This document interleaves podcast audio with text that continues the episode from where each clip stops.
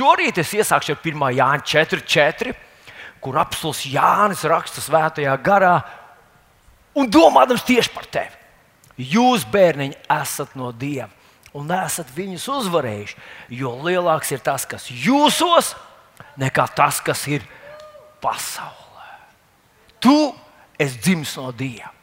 Tu esi dzimis no Dieva. Un lielāks ir tas, kas ir tevī, nekā tas, kas ir pret tevi. Un es esmu drošs, ka visi mēs sajūtamies šajā pasaulē kā kara laukā. Bet tas, kas ir tevī, ir lielāks. Uh, Pravietim Elijam bija tāds gadījums, kad viņš bija Dotanā kopā ar savu puisi. Tad ienaidnieks sīriešu karaspēks ielēca visu to mazo necilo pilsētiņu. Un praviešu kalps bija izbijies, bet uh, Elīja viņam saka, to, kas ar mums. Toreiz viņš vēl nebija viņos, jo viņi vēl nebija glābti. Bet viņš saka, to, kas ar mums ir vairāk nekā to, kas ir pie viņiem. Tagad viņš saka, to, kas ir tevī, viņš ir vēl tuvāk tev. Un es gribu teikt, ka Dievs ir par tevi, ar tevi, pie tevis, tevī. Nu, mīļais draugs, tu tiešām vari teikt, ka es esmu no Dieva, un es zinu, ka Dievs tas kungs man palīdz. Šīs, šī ir ļoti stipra zelta dzīsle, kas iet cauri visai Bībelē. Dažna, dažādās situācijās, izciltīgi cilvēki, kara laukā, bezizējā, zvēru vidū, dažādu ienaidnieku vidū. Cilvēki ir konstatējuši, ka, ja tu paļaujies uz to kungu, tu izies cauri. Tu nepaliksi tajā bedrē, tu nepaliksi krāsnī, nepaliksi lauva bedrē. Tu tai iziesi cauri. Aleluja! Sākies izies cauri! Un tieši šo pašu domu Jēzus saka Lūkas 18. nodaļā, kur viņš iesāk stāstīt ar tādiem vārdiem. Un tad viņš stāstīja līdzību par to, ka tiem aizvien būs dievu lūgt un nebūs pagurt. Un tad viņš stāsta par nabaga atraitnu godīgo tiesnesi. Un dažreiz cilvēki izdara tādu aplamu secinājumu. Un, lai tādu secinājumu mēs nepaliktu pie tā, ka Dievs ir grūti pierunājams un grūti iesaistāms, tad Jēzus 8. pantā izdara secinājumu. Un tajā 8. pantā skan tādi vārdi. Un viņš viņu lietu izlems visai drīz. Un tā galvenā doma, kas tur ir pateikta, ka pie dieva nav aizturs. Tas nav dievs, kas kavējas, tas nav dievs, kas bremzē, tas nav dievs, kuru grūti pierunāt un grūti viņam apstāstīt un pateikt, ka cik ļoti vajadzīga viņa palīdzība. Viņš saka, Dievs viņu lietu izlems visai drīz. Bet tad nākošais nāk ļoti tāds zīmīgs teikums, pie kura mums vajadzētu apstāties un par to padomāt. Un es ticu, ka Jēzus šajā pantā paskaidro mums, kur ir dažreiz tā aizķeršanās. Un viņš saka tādus vārdus. Bet vai cilvēka dēls, kad tas nāks, atradīs ticību virs zemes? Nu, citiem vārdiem, tu esi paļāvies uz Dievu, tu esi saucis uz viņu. Un tagad nu, viņš nāk tev palīdzīgā. Vai viņš atradīs ticību, vai viņš atradīs ticību? Un tas ir tas lielais jautājums. Un, mīļie draugi, tas, ko mēs redzam pie, pie uh, Izraēla tautas, mēs redzam, ka viņi aizvien, aizvien Jēzus viņiem saka, it kā tā bija Dieva tauta. Viņiem bija dots Dieva vārds. Un kā vēstulīte ebrejiem autors raksta, viņiem arī evanģēlis tika pasludināts, bet viņiem nepalīdzēja, jo viņi tam neticēja. Viņi to nebija uzņēmuši ar ticību. Tā ticība ir ļoti, ļoti svarīgs aspekts arī mūsu ar, ar tevi dzīvē. Un gribu atgādināt vēl vienu raksturvietiņu, tā ir no Mateja evanģelīja 21. nodaļas, 21. pāns. Ļoti viegli atcerēties Mateja 21, 21, kur Jēzus arī runā par ticību. Un paklausieties, kā tur ir uzrakstīts. Tāda Mateja 21, 21, tur rakstīts tā.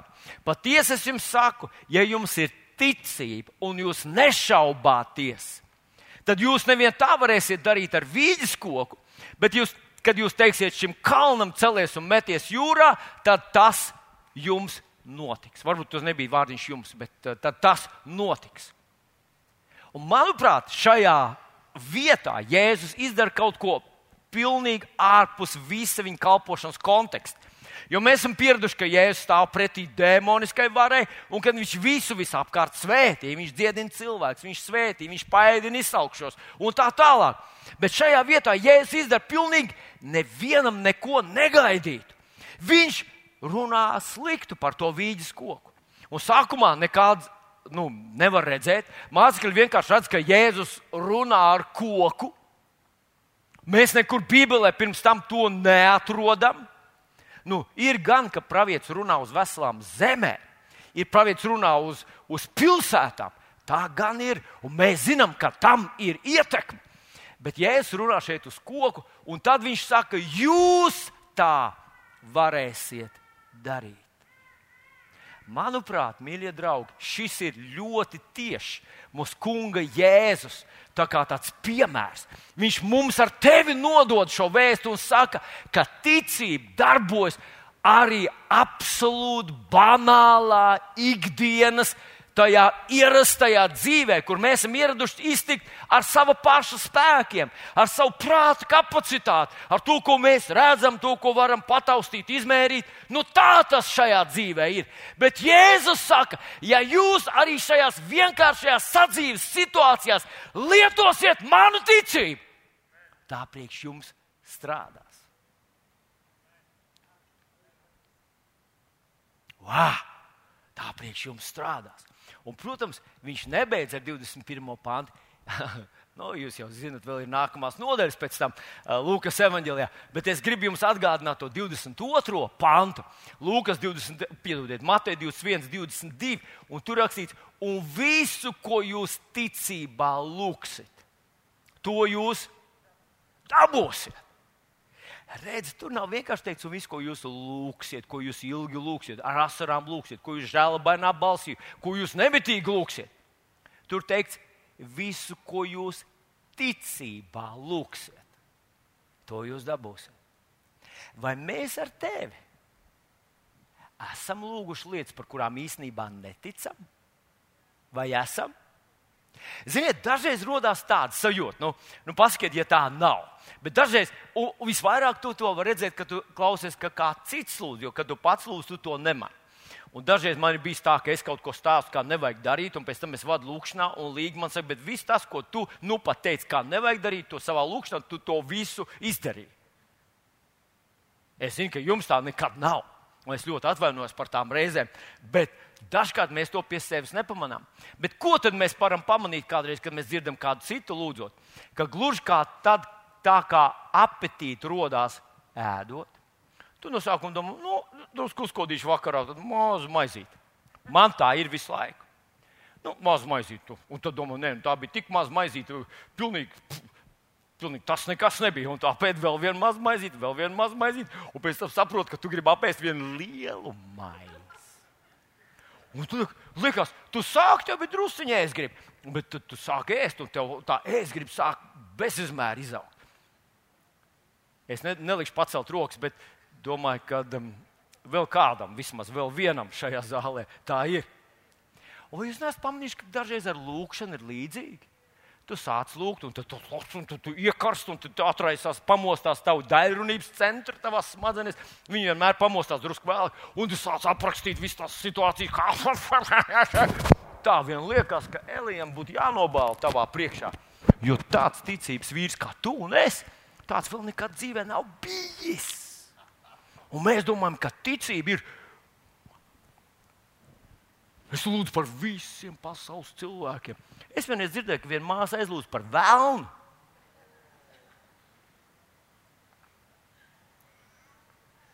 Un es to wow! Nu, tā tad visu, ko jūs ticībā lūgsiet, to jūs dabūsiet.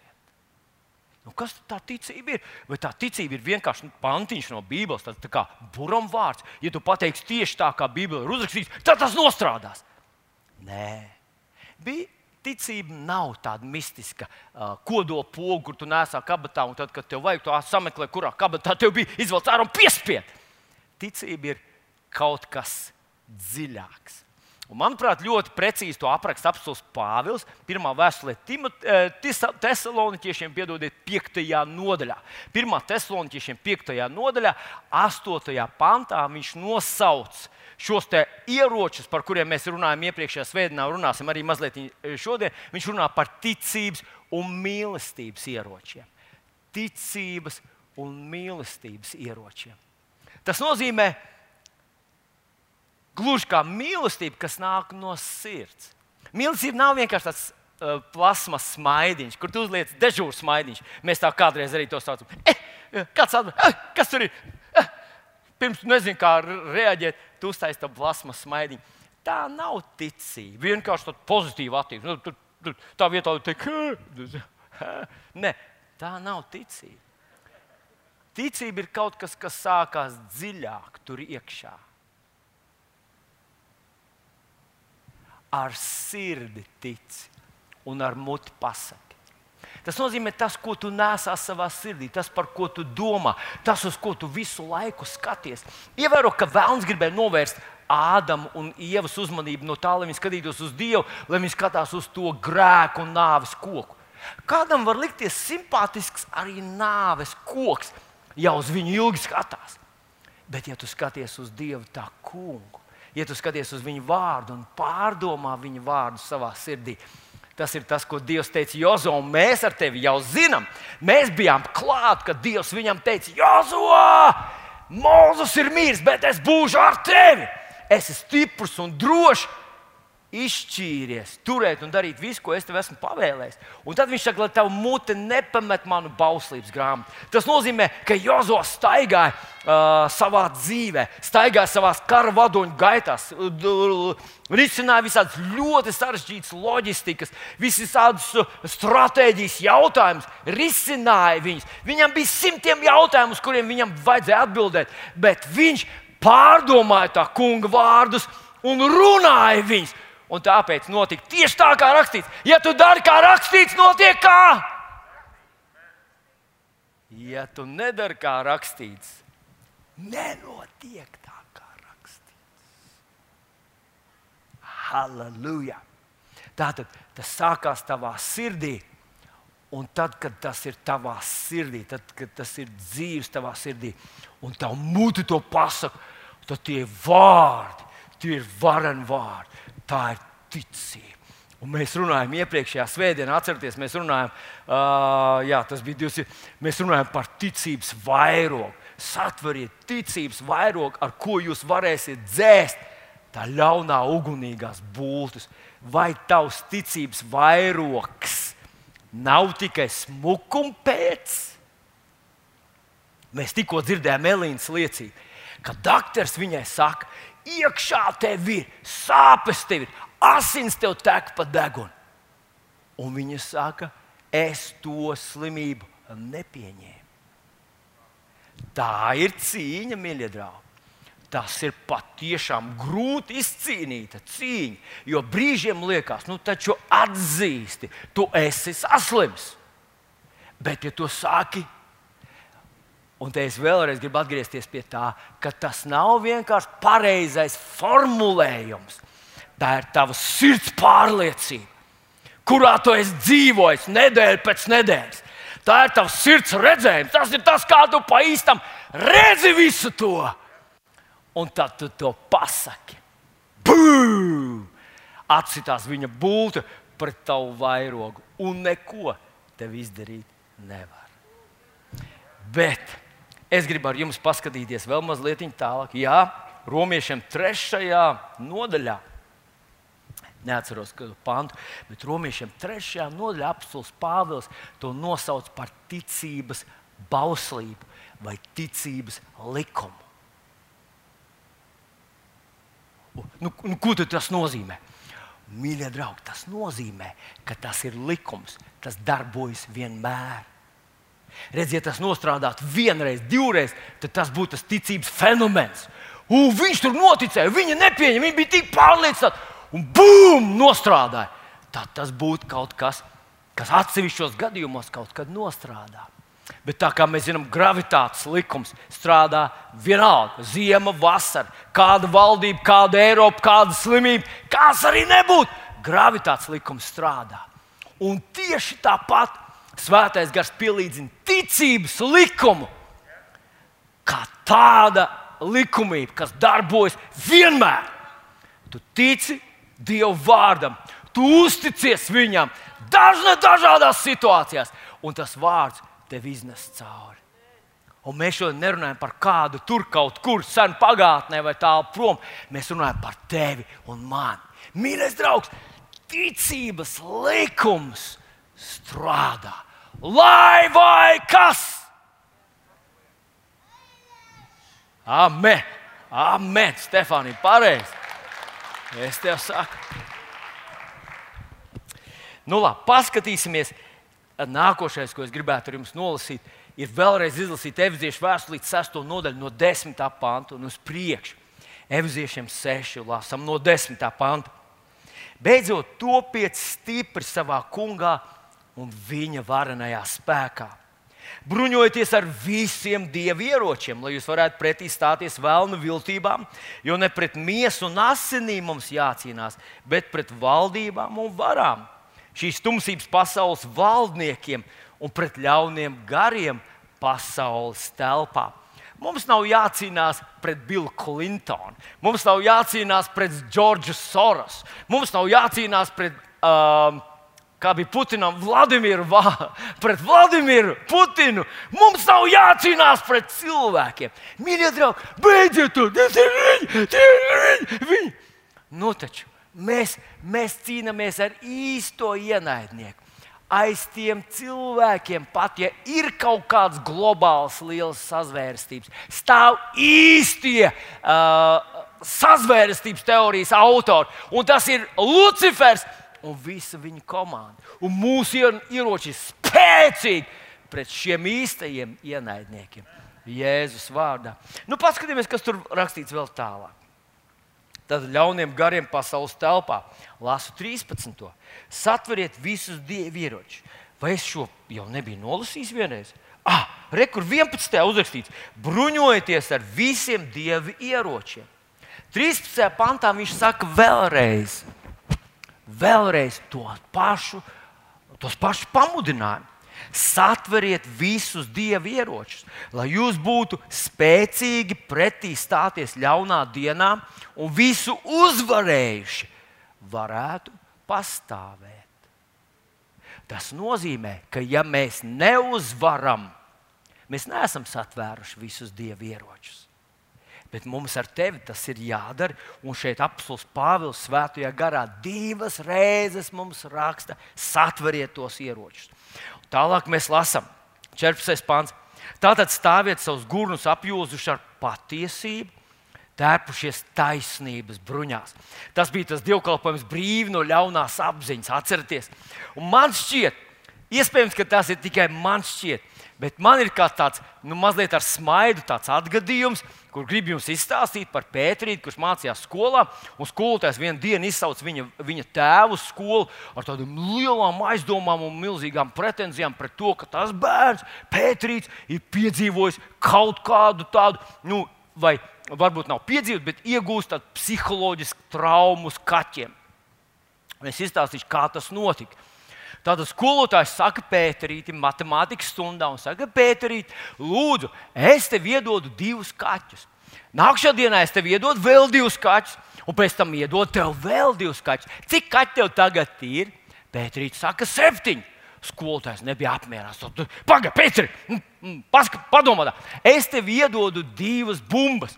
Nākamajā dienā iedodu tev vēl divas bumbas, un pēc tam vēl divas bumbas. Cik tev bumbas ir? Bumbas ir sešas. Pagaid, sāksim vēlreiz ar kaķiem. Es tev iedodu divus kaķus, pēc tam iedodu vēl divus kaķus, pēc tam iedodu vēl divus kaķus. Cik kaķi tev ir? Pētrīts saka, septiņi. Skolotājs padomāja, un viņš bija no tiem mūsdienīgiem skolotājiem. Tā ir kāda psiholoģiska trauma, ko bērnam ir nodarījuši. Visdrīzāk, ka tēvs, kurš cits var nodarīt bērnam pāri, vai ne? Nu, bet jūs nelasāt avīzes, taču viss saka, Tēvi ir tas lielākais biets ģimenē. Vajag no viņiem atbrīvoties. Nu, lūk, viņš izsauc to tēvu skolu. Ziniet, ko es konstatēju, ka jūsu bērnam ir uh, psiholoģiski traumas kaķiem, kamēr viņš rēķina par kotletēm, bumbām, pīrādziņiem. Viņam vienmēr viss sanāk, bet tikko ir runa par kaķiem, tā viņš nekad nevar izrēķināt pareizi. Kas tur ir ar tiem kaķiem? Un tēvs saka, nē, nu, vienkārši, vienkārši jums jāsaprot, ka Pēterītam bija kaķis pirms viņš piedzima jau. Viņam jau kaķis bija. Jo mūsu ģimenē pirms piedzima mūsu dēls Pēterīts, mums jau bija kaķis. Viņš ir uzaugusi ar kaķi. Kaķis vienmēr bijis viņam blakus, un vēl aizvien tas pats kaķis ir dzīves. Un tāpēc katru reizi viņš pieskaita to savu kaķi, kas viņam ir jau no dzimšanas. Un es domāju, tieši tas, ir tā situācija, kad mēs piedzimām no Kristus, kad mēs piedzimām no Dieva. Viņš jau mums bija devis grēku piedošanu. Viņš jau bija mūsu vietā kļuvis par grēcinieku, lai mēs būtu svētie. Viņš jau uzņēmās visu mūsu lāstu, lai mēs būtu maksimāli svētīti. Mēs varam būt brīvi no ļaunās apziņas. Amen! Amen. Bet tu redzi, mīļais draugs, ka tas nav kaut kas, ko mēs varam izmērīt. Tas ir mēs uzticamies Dieva vārdam un tā kļūst par mūsu ticību. Nu, lasām tālāk, kas tur ir teikts. Tur ir teikts tā. Tad kājas apauž 15. pāns ar apņemšanos kalpot miera evaņģēliem. Mēs par to drusku runājam, ka bez apautām kājām nekas nenotiek.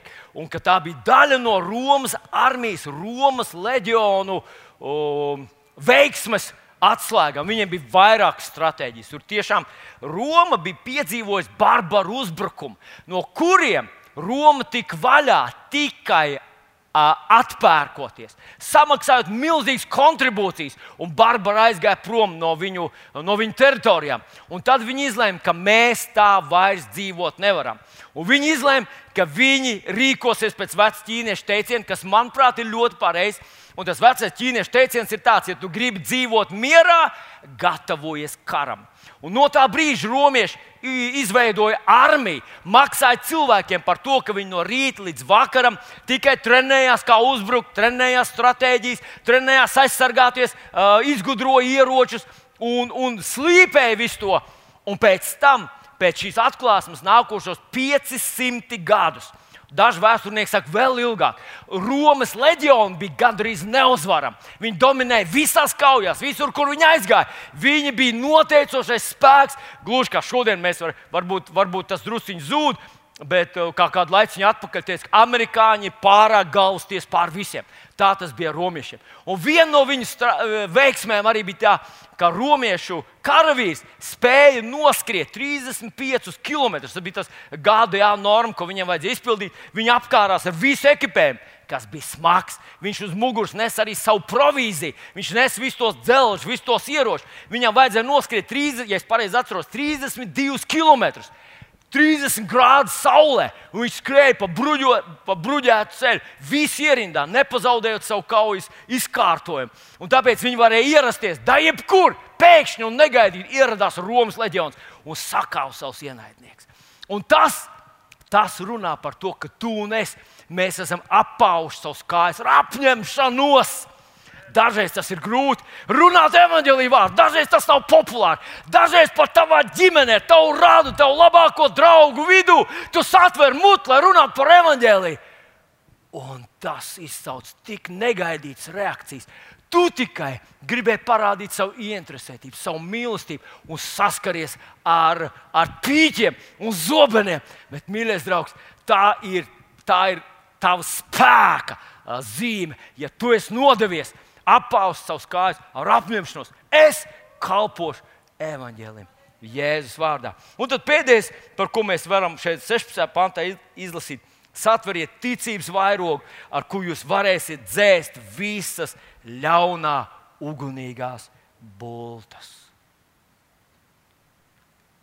Tagad, mīļie draugi, bez šaubām, romiešu leģions bija Viņi bija iekarotāji, viņi iekaroja pusi pasaules. Viņi iekaroja tajā laikā viņiem visu zināmo pasauli. Viņi domāja, ka vairāk nav.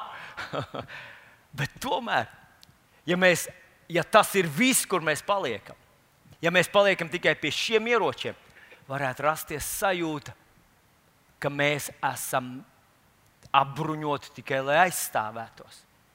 Mēs esam apbruņoti tikai, lai sēdētu ierakumos un darītu savu lietiņu. Un tad, kad ienaidnieks uz mums šaus, kad viņš mums uzbruks, kad viņš nāks pret mums, tad mums būs ko likt priekšā. Mēs liksim ticības vairogu, un mums ir krūšu bruņas, un mums ir patiesības josta un tā tālāk. Un tad vēl mēs varam secināt, to varbūt mēs neredzam Latvijas Bībelē. Un neredzam, varbūt, ka mēs meklējam internetā romiešu leģionāru bruņojumu, mēs tur neredzam. Bet es domāju, ka tas, ko mēs redzam uh, internetā, tās bildītas, ir pēdējais. Jo tur 500 gadu laikā notika zināma dinamika, tie ieroči attīstījās. Un, ja pirmie romiešu leģionāri staigāja ar tādām, nu, uh, ar tādām uh, bruņu krekliem, ko mūsu latviešu bruņinieki arī pazina. Tie bija ļoti smagi un neefektīvi. Bultas urbās cauri viņiem, bet pret zobenu sitieniem viņš druskuļi pasargāja. Tad vēlāk jau viņi lika tādas, tādas, tādas stīpas, kuras sasēja kopā, un tās bija daudz efektīvākas pret, pret bultām un, un, un vieglākas arī. Tātad, iespējams, Un, un īpaši mēs to redzam, ja mēs skatāmies King James tulkojumā. Tur šīs krūšu bruņas ir norādītas kā taisnības uh, krūšu plāksne. Uh, kā nu bija? Uh, Aizmirst, bet kaut kā tas bija latviešu valodā. Uh, un taisnības, uzlikuši taisnības uh, krūšu, krūšu plāksni. Ka mūsu muguras nav piesaktas Un nebija paredzēts, ka ienaidnieks, ka romiešu leģionārs kādreiz pagriezīs ienaidniekam muguru. Un mēs zinām, ka viņi vienmēr ieņēma tādu apli aizsardzību. Viņi sastājās ar mugurām kopā, aiz vairogiem noslēpās. Viņi bija kā cietoksnis. Un es domāju, ka te svētais gars mums arī liek saprast, ka mēs vienmēr stāvam pretī ienaidniekam. Mēs nekad nepadodamies, mēs nebēgam, mēs neslēpjamies, mēs neatzīstam savu neefektivitāti un sakām, mēs stāvam viņam pretī. Un to ļoti labi ir uzrakstījis apstults Pēters pirmajā vēstulē, 5. nodaļā, 8. un 9. pāns, kur viņš saka tādus vārdus esiet nomodā, esiet skaidrā prātā. Jūsu pretinieks vēlams staigā apkārt kā lauva rūgums, meklē, ko tas varētu aprīt. Tam turieties pretī, stipri. Ticībā, zinām, ka tādas pašas cīņas vai tādas pašas ciešanas uzlikts visiem jūsu brāļiem pasaulē. Tātad, ja tavs ienaidnieks nāk vienalga kādā veidā, un vienalga ar kādu ieroci, tu viņam stāvi pretī. Vēlreiz pieminēšu Elīnas liecību, kur mēs nu pat redzējām varēja pieņemt viņu, teikt, jā, es samierinos, es esmu slima ar šo neārstējamo slimību. Bet varēja nostāties tam pretī. Un ir dažādi veidi, kā stāvēt pretī. Bet svarīgi ir, ka tu apzinājies, ka tas ierocis, kas tev ir, ir efektīvs, lai stāvētu pretī. Jēzus vārdā. Nu, lūk, nu, tagad man gribētos, ka mēs mazliet pārslēgtos uz nākošo pēdējo pantu. Tas ir īstenībā tas, par ko šodien gribu pievērst jūsu uzmanību. Un tas ir 17. pāns, un 17. eviziešiem 6.17. uzrakstīts tā: ņemiet arī pestīšanas bruņu cepuri un gara zobenu. Tas ir Dieva vārds. Ņemiet arī pestīšanas bruņu cepuri un gara zobenu. Tas ir Dieva vārdu. Pestīšanas bruņu cepuri. Nu, protams, mēs zinām visi, ka tas nav kaut kāds dzelzs katliņš, ko mums jāuzvelk galvā. Ka viņš te runā par mūsu domu pasaules pasargāšanu. Kas notiek tavā domu pasaulē? Kas tur notiek? Vai tur ir kārtība, vai tur ir mērķtiecība, vai tur ir prioritātes? Vai tur ir kaut kāds konkrēts lēmumu, virziena ceļi, pa kuriem staigā tavas domas, vai tas ir tāds lauks, par kuru brien visi, kam vien ienāk prātā? Atcerieties, Jēzus stāstīja Marka Evanģelijā 4. nodaļā, viņš stāsta līdzību par sējēju, kurš sēž sēklu. Un tad viņš saka, ir ceļmala, ceļmala, kur visi staigā garām, un tur tā sēkla Nekas ar viņu nenotika. Viņa momentāli tika nozagta. Putni to nozaga. Vienīgais veids, kur Dieva vārds vispār nenostrādā, ir dvēsele, kurā nav nekādas struktūras, kurā nav nekādas iemīti ceļi, pa kuriem tu staigā. Domas, kuras tu domā, un domas, kuras tu vienkārši nedomā, tās ir aplams, tās ir vienkārši ģeķīgas, tās aizvedīs pilnīgi neceļā. Tas ir tas, ko viņš cenšas pasargāt šajā pestīšanas bruņu cepurē. Un, zinot, īstenībā es pie sevis domāju tā, redz, tu vari ieģērt to leģionāru romiešu bruņinieka bruņojumā. Bet tas, ko viņš ar to darīs, nosaka, e, tiek nolemts viņa domās. Ko tad viņš domā par sevi? Kādu viņš sevi redz? Ja viņš sevi redz zaudētāju, redz ienaidnieks, cik tas ir stiprs, tad viņš ar visu to visu bruņojumu, ar visu efektīvo, ar visu pēdējo bruņojumu būs bailīgs.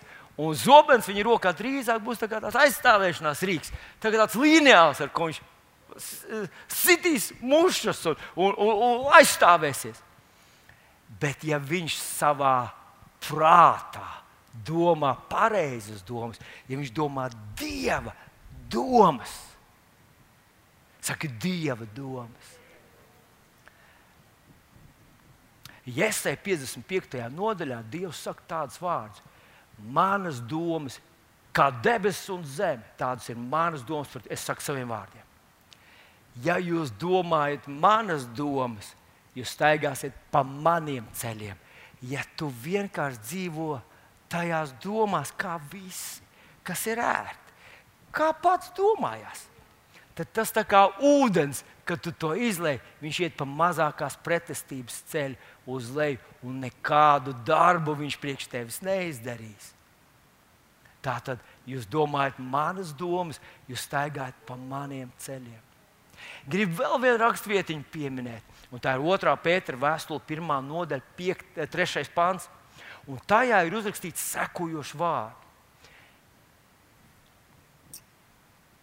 Viņš jau mums, mm, kā nu bija, 1. pētera 5, 3. Teikšu saviem vārdiem. Viņš mums dāvinājis visu, kas mums vajadzīgs dzīvībai un dievu bijībai. Tātad, lai dzīvotu un kalpotu dievam tā atziņā, kas mūs ir aicinājis ar savu godību un spēku. Viņš mums dāvinājis visu, kas vajadzīgs, lai mēs dzīvotu un kalpotu tā atziņā. Tā tad tas sākās ar to, ko tu domā, kādu tu redzi savu dievu. Ja tu viņu redzi stipru, klātesošs, ja tu redz Dievu, kas ir ar tevi, ja tu redz Dievu, kas palīdz, Dievu, kas tevi radīs stipru un efektīvu karavīru, tad tu tādu, tas ir tas, ko tu piedzīvo savā dzīvē un savā kalpošanā. Ja tu redz Dievu kā pasīvu Dievu, kurš ir tālu, kuru sazvanīt ir grūti, kura atbildes no kura nāk gadiem un mēnešiem, tad tas būs tieši tas, ko tu piedzīvo savā dzīvē un savā kalpošanā. Romiešiem 12. nodaļā, 2. pantā, Pāvils saka tādus vārdus. Tad nu netopiet šai pasaulē līdzīgi, bet pārvērtieties. Atjaunodamies savā prātā, lai spētu saprast to, kas ir Dieva griba, viss, kas ir labs, tīkams un pilnīgs. Kā tu pārvērties?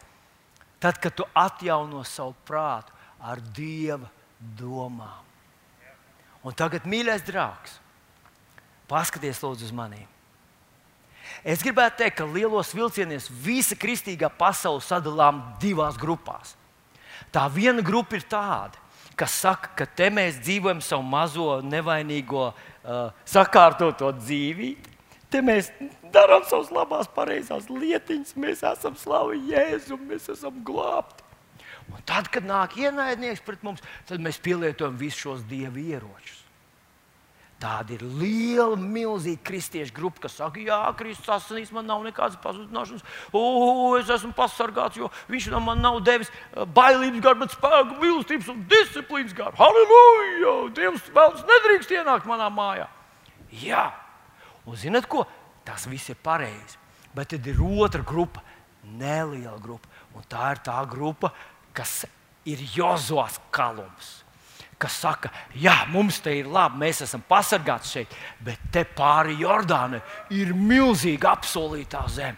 Mēs tur varam aiziet, mēs varam iekarot, izdzīt tos, kas ir monopolizējuši savas tiesības uz to apsolīto zemi, ko Dievs ir devis mums. Un tagad uz mirkli padomā, vai nav kaut kādas lietas, kaut kādas lietas, ko Vēlns ir piesavinājies. Nu, pieņemsim, rakstnieks. Vai tu zini kādu izcilu, spilgtu, apdāvinātu kristīgu rakstnieku? Kas raksta grāmatas, un viss pasaules stāv uz ausīm, stāv rindās, lai tiktu pie jaunās grāmatas. Es ticu, ka tas vēl aizvien ir tur, apsolītajā zemē. Bet ir vajadzīgi cilvēki, ir vajadzīgi kristieši, kas stāv vietā, lai teiktu, es te gribu dzīvot, tikai nedariet man pāri. Saku, es gribu iet darīt pāri tiem, kas tur ir. Es gribu pāriet pāri tai Jordānai un ielausties apsolītajā zemē, jo īstenībā visas talanti, visas spējas un visas bagātības nāk no mana debesu tēva.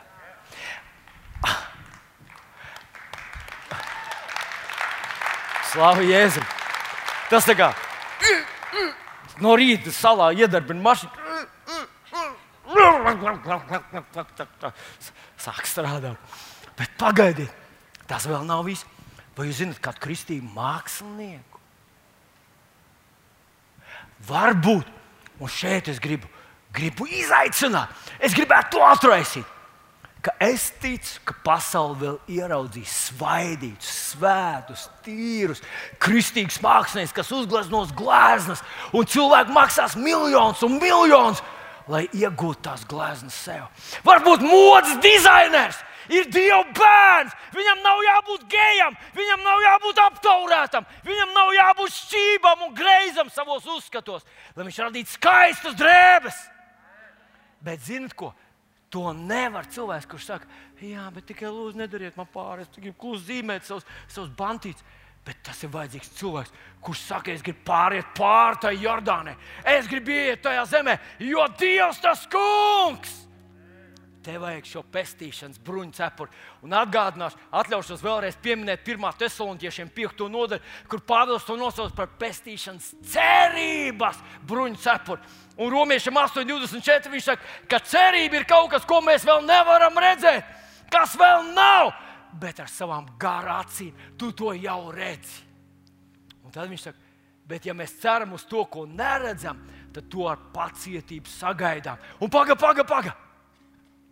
Tādam, ļauj man pateikt, tādam cilvēkam, kurš uzdrošinās ieraudzīt to, kā vēl nav. Varbūt kādam pateiks, bērni nebūs, bet tu saki, bet es zinu, ka mums būs. Kādam pateiks, ka tu nedzīvos, bet tu saki, es ticu, ka Dievs man palīdzēs, es dzīvošu. Kādam, kas saka, ka tev pensijas nebūs, tu saki, nu labi, es pats sev sagādāšu pensiju. Kādam, kurš saka, ka tu nevari, vai tu zini kādu kristīgu uzņēmēju, kurš pelna miljonus? Miljonus! Un es to izteicu ar Dāvidu tajā stūrakmenī. Es to atkārtošu vēlreiz, jo tas tiešām ir kaut kas manā sirdī, ko Dievs ir ielicis, ka mēs ar jums vēl piedzīvosim. Es ticu, ka es vēl nebūšu miris, kad pienāks brīdis, kad kāds no Latvijas kristiešiem, uzņēmējiem noziedos Dievam miljonu.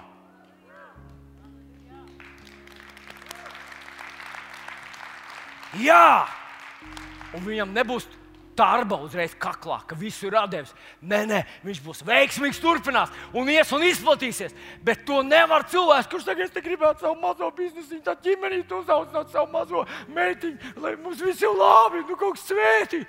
Tur ir vajadzīgs cilvēks, kurā zem tās pestīšanas bruņu cepures ir kāds, kurš redz vairāk, redz tālāk, savu dievu redz lielāku, bagātāku, svarenāku. Dievu, kam pieder visa šī pasaule. Varbūt mēs vēl ieraudzīsim spilgtus mācītājus. Varbūt vēl ieraudzīsim spilgtus arhitektus. Varbūt mēs ieraudzīsim vēl brīnumainas lietas. Hei! Bet es šajā rītā gribu izaicināt tevi un mani. Kungs, kā mēs varētu atstāt to ierakumu mentalitāti? Kā mēs varētu iegūt, adaptēt, paņemt sevī to mentalitāti, kas saka, ka Dievam ir vairāk. Viņš grib caur tevi vairāk, Viņš tev dos gudrību, kā vairāk. Bet atcerieties, tas sākās tavā sirdī. Tas sākās tavā sirdī. Un tad tas, tad tas var aizsniegt da jebko. Es ticu, ka viens cilvēks ar Dievu, kā Jēzus teica, tam, kurš tic, viss ir iespējams. Un mēs neparunājam par uh, garu zobenu, bet tas garu zobens. Pieminēšu tikai ebrejiem 4.12. Jo Dieva vārds ir dzīves un spēcīgs un asāks par katru abeju pušu griezīgu zobenu. Un spiežas dziļi iekšā, līdz kamēr pāršķirt dvēseli un garu locekli un smadzenes, un ir doma no sirds prāta tiesnes. Kad tu domā lielos mērogos, kad tu domā dievu domas, tad tas zobens tavā rokā iegūst pavisam citu pielietojumu tad tu vari apsaukt vētru un jūru. Tu vari uzrunāt koku, tu vari uzrunāt kalnu. Tu vari uzrunāt to, kas stāv tavā priekšā. Varbūt no tava ciema neviens nav pārgājis pār tam kalnam. Visi dzīvo līdz kalnam. Varbūt tavā draudzē neviens nav pārkāpis pār tam kalnam. Tu vari būt pirmais. Tu vari būt pirmais. Tu vari būt savā dzimtā pirmais. Pirmais miljonārs, pirmais apustulis, pirmais, kurš Kristus dēļ nebaidījās būt nepopulārs, pirmais, kurš uzticējās Dievam vairāk kā cilvēkiem, pirmais, kurš meklēja atzinību Dievu priekšā vairāk nekā pasaules aplausus un pasaules apbrīd. Tu vari būt pirmais, kurš piepilda Dieva prātu savā dzīvē, tādos mērogos un atstāt atstāt tādu pamatu, no kā tavi bērni un mazbērni stāstīs leģendas par to, kā tu biji, kāds tu biji, kā tu uzticējies, kā tu darīji, kā tu ticēji, kā tu lūdzi, kā tu nepadevies, kā tu izturēji. Jo tu biji apbruņojies ar visiem dievu ieročiem. Un tu, tu biji uzvilcis pestīšanas cerības bruņu cepu. Tev bija ticības vairogs, kājas bija apauts ar apņemšanos kalpot miera evaņģēlim. Tev bija patiesības josta un taisnības krūžu bruņas. Bet tu ļoti aktīvi lietoji arī Dieva vārdu, abu pušu, aso un efektīvo Dieva vārdu zobenu. Halleluja! Mīļais brāl, mās, es šorīt tevi izaicinu. Es tevi izaicinu. Es tevi izaicinu ieraugt, ko tad Dievs grib caur tevi. Sadzirdēt, ko Viņš saka, kādi ir tie viņa mērogi. Netrīcēt par sevi, tev nekas nav ko zaudēt. Jo pat ja tu iedomāsies visu lielāko, tu tikai iepriecinās Dievu. Bet ļauj sev sadzirdēt, ko Viņš saka. Un tad paņem viņa vārdus un sargās tos savā sirdī. Un tev izdosies. Jēzus vārdā tev izdosies.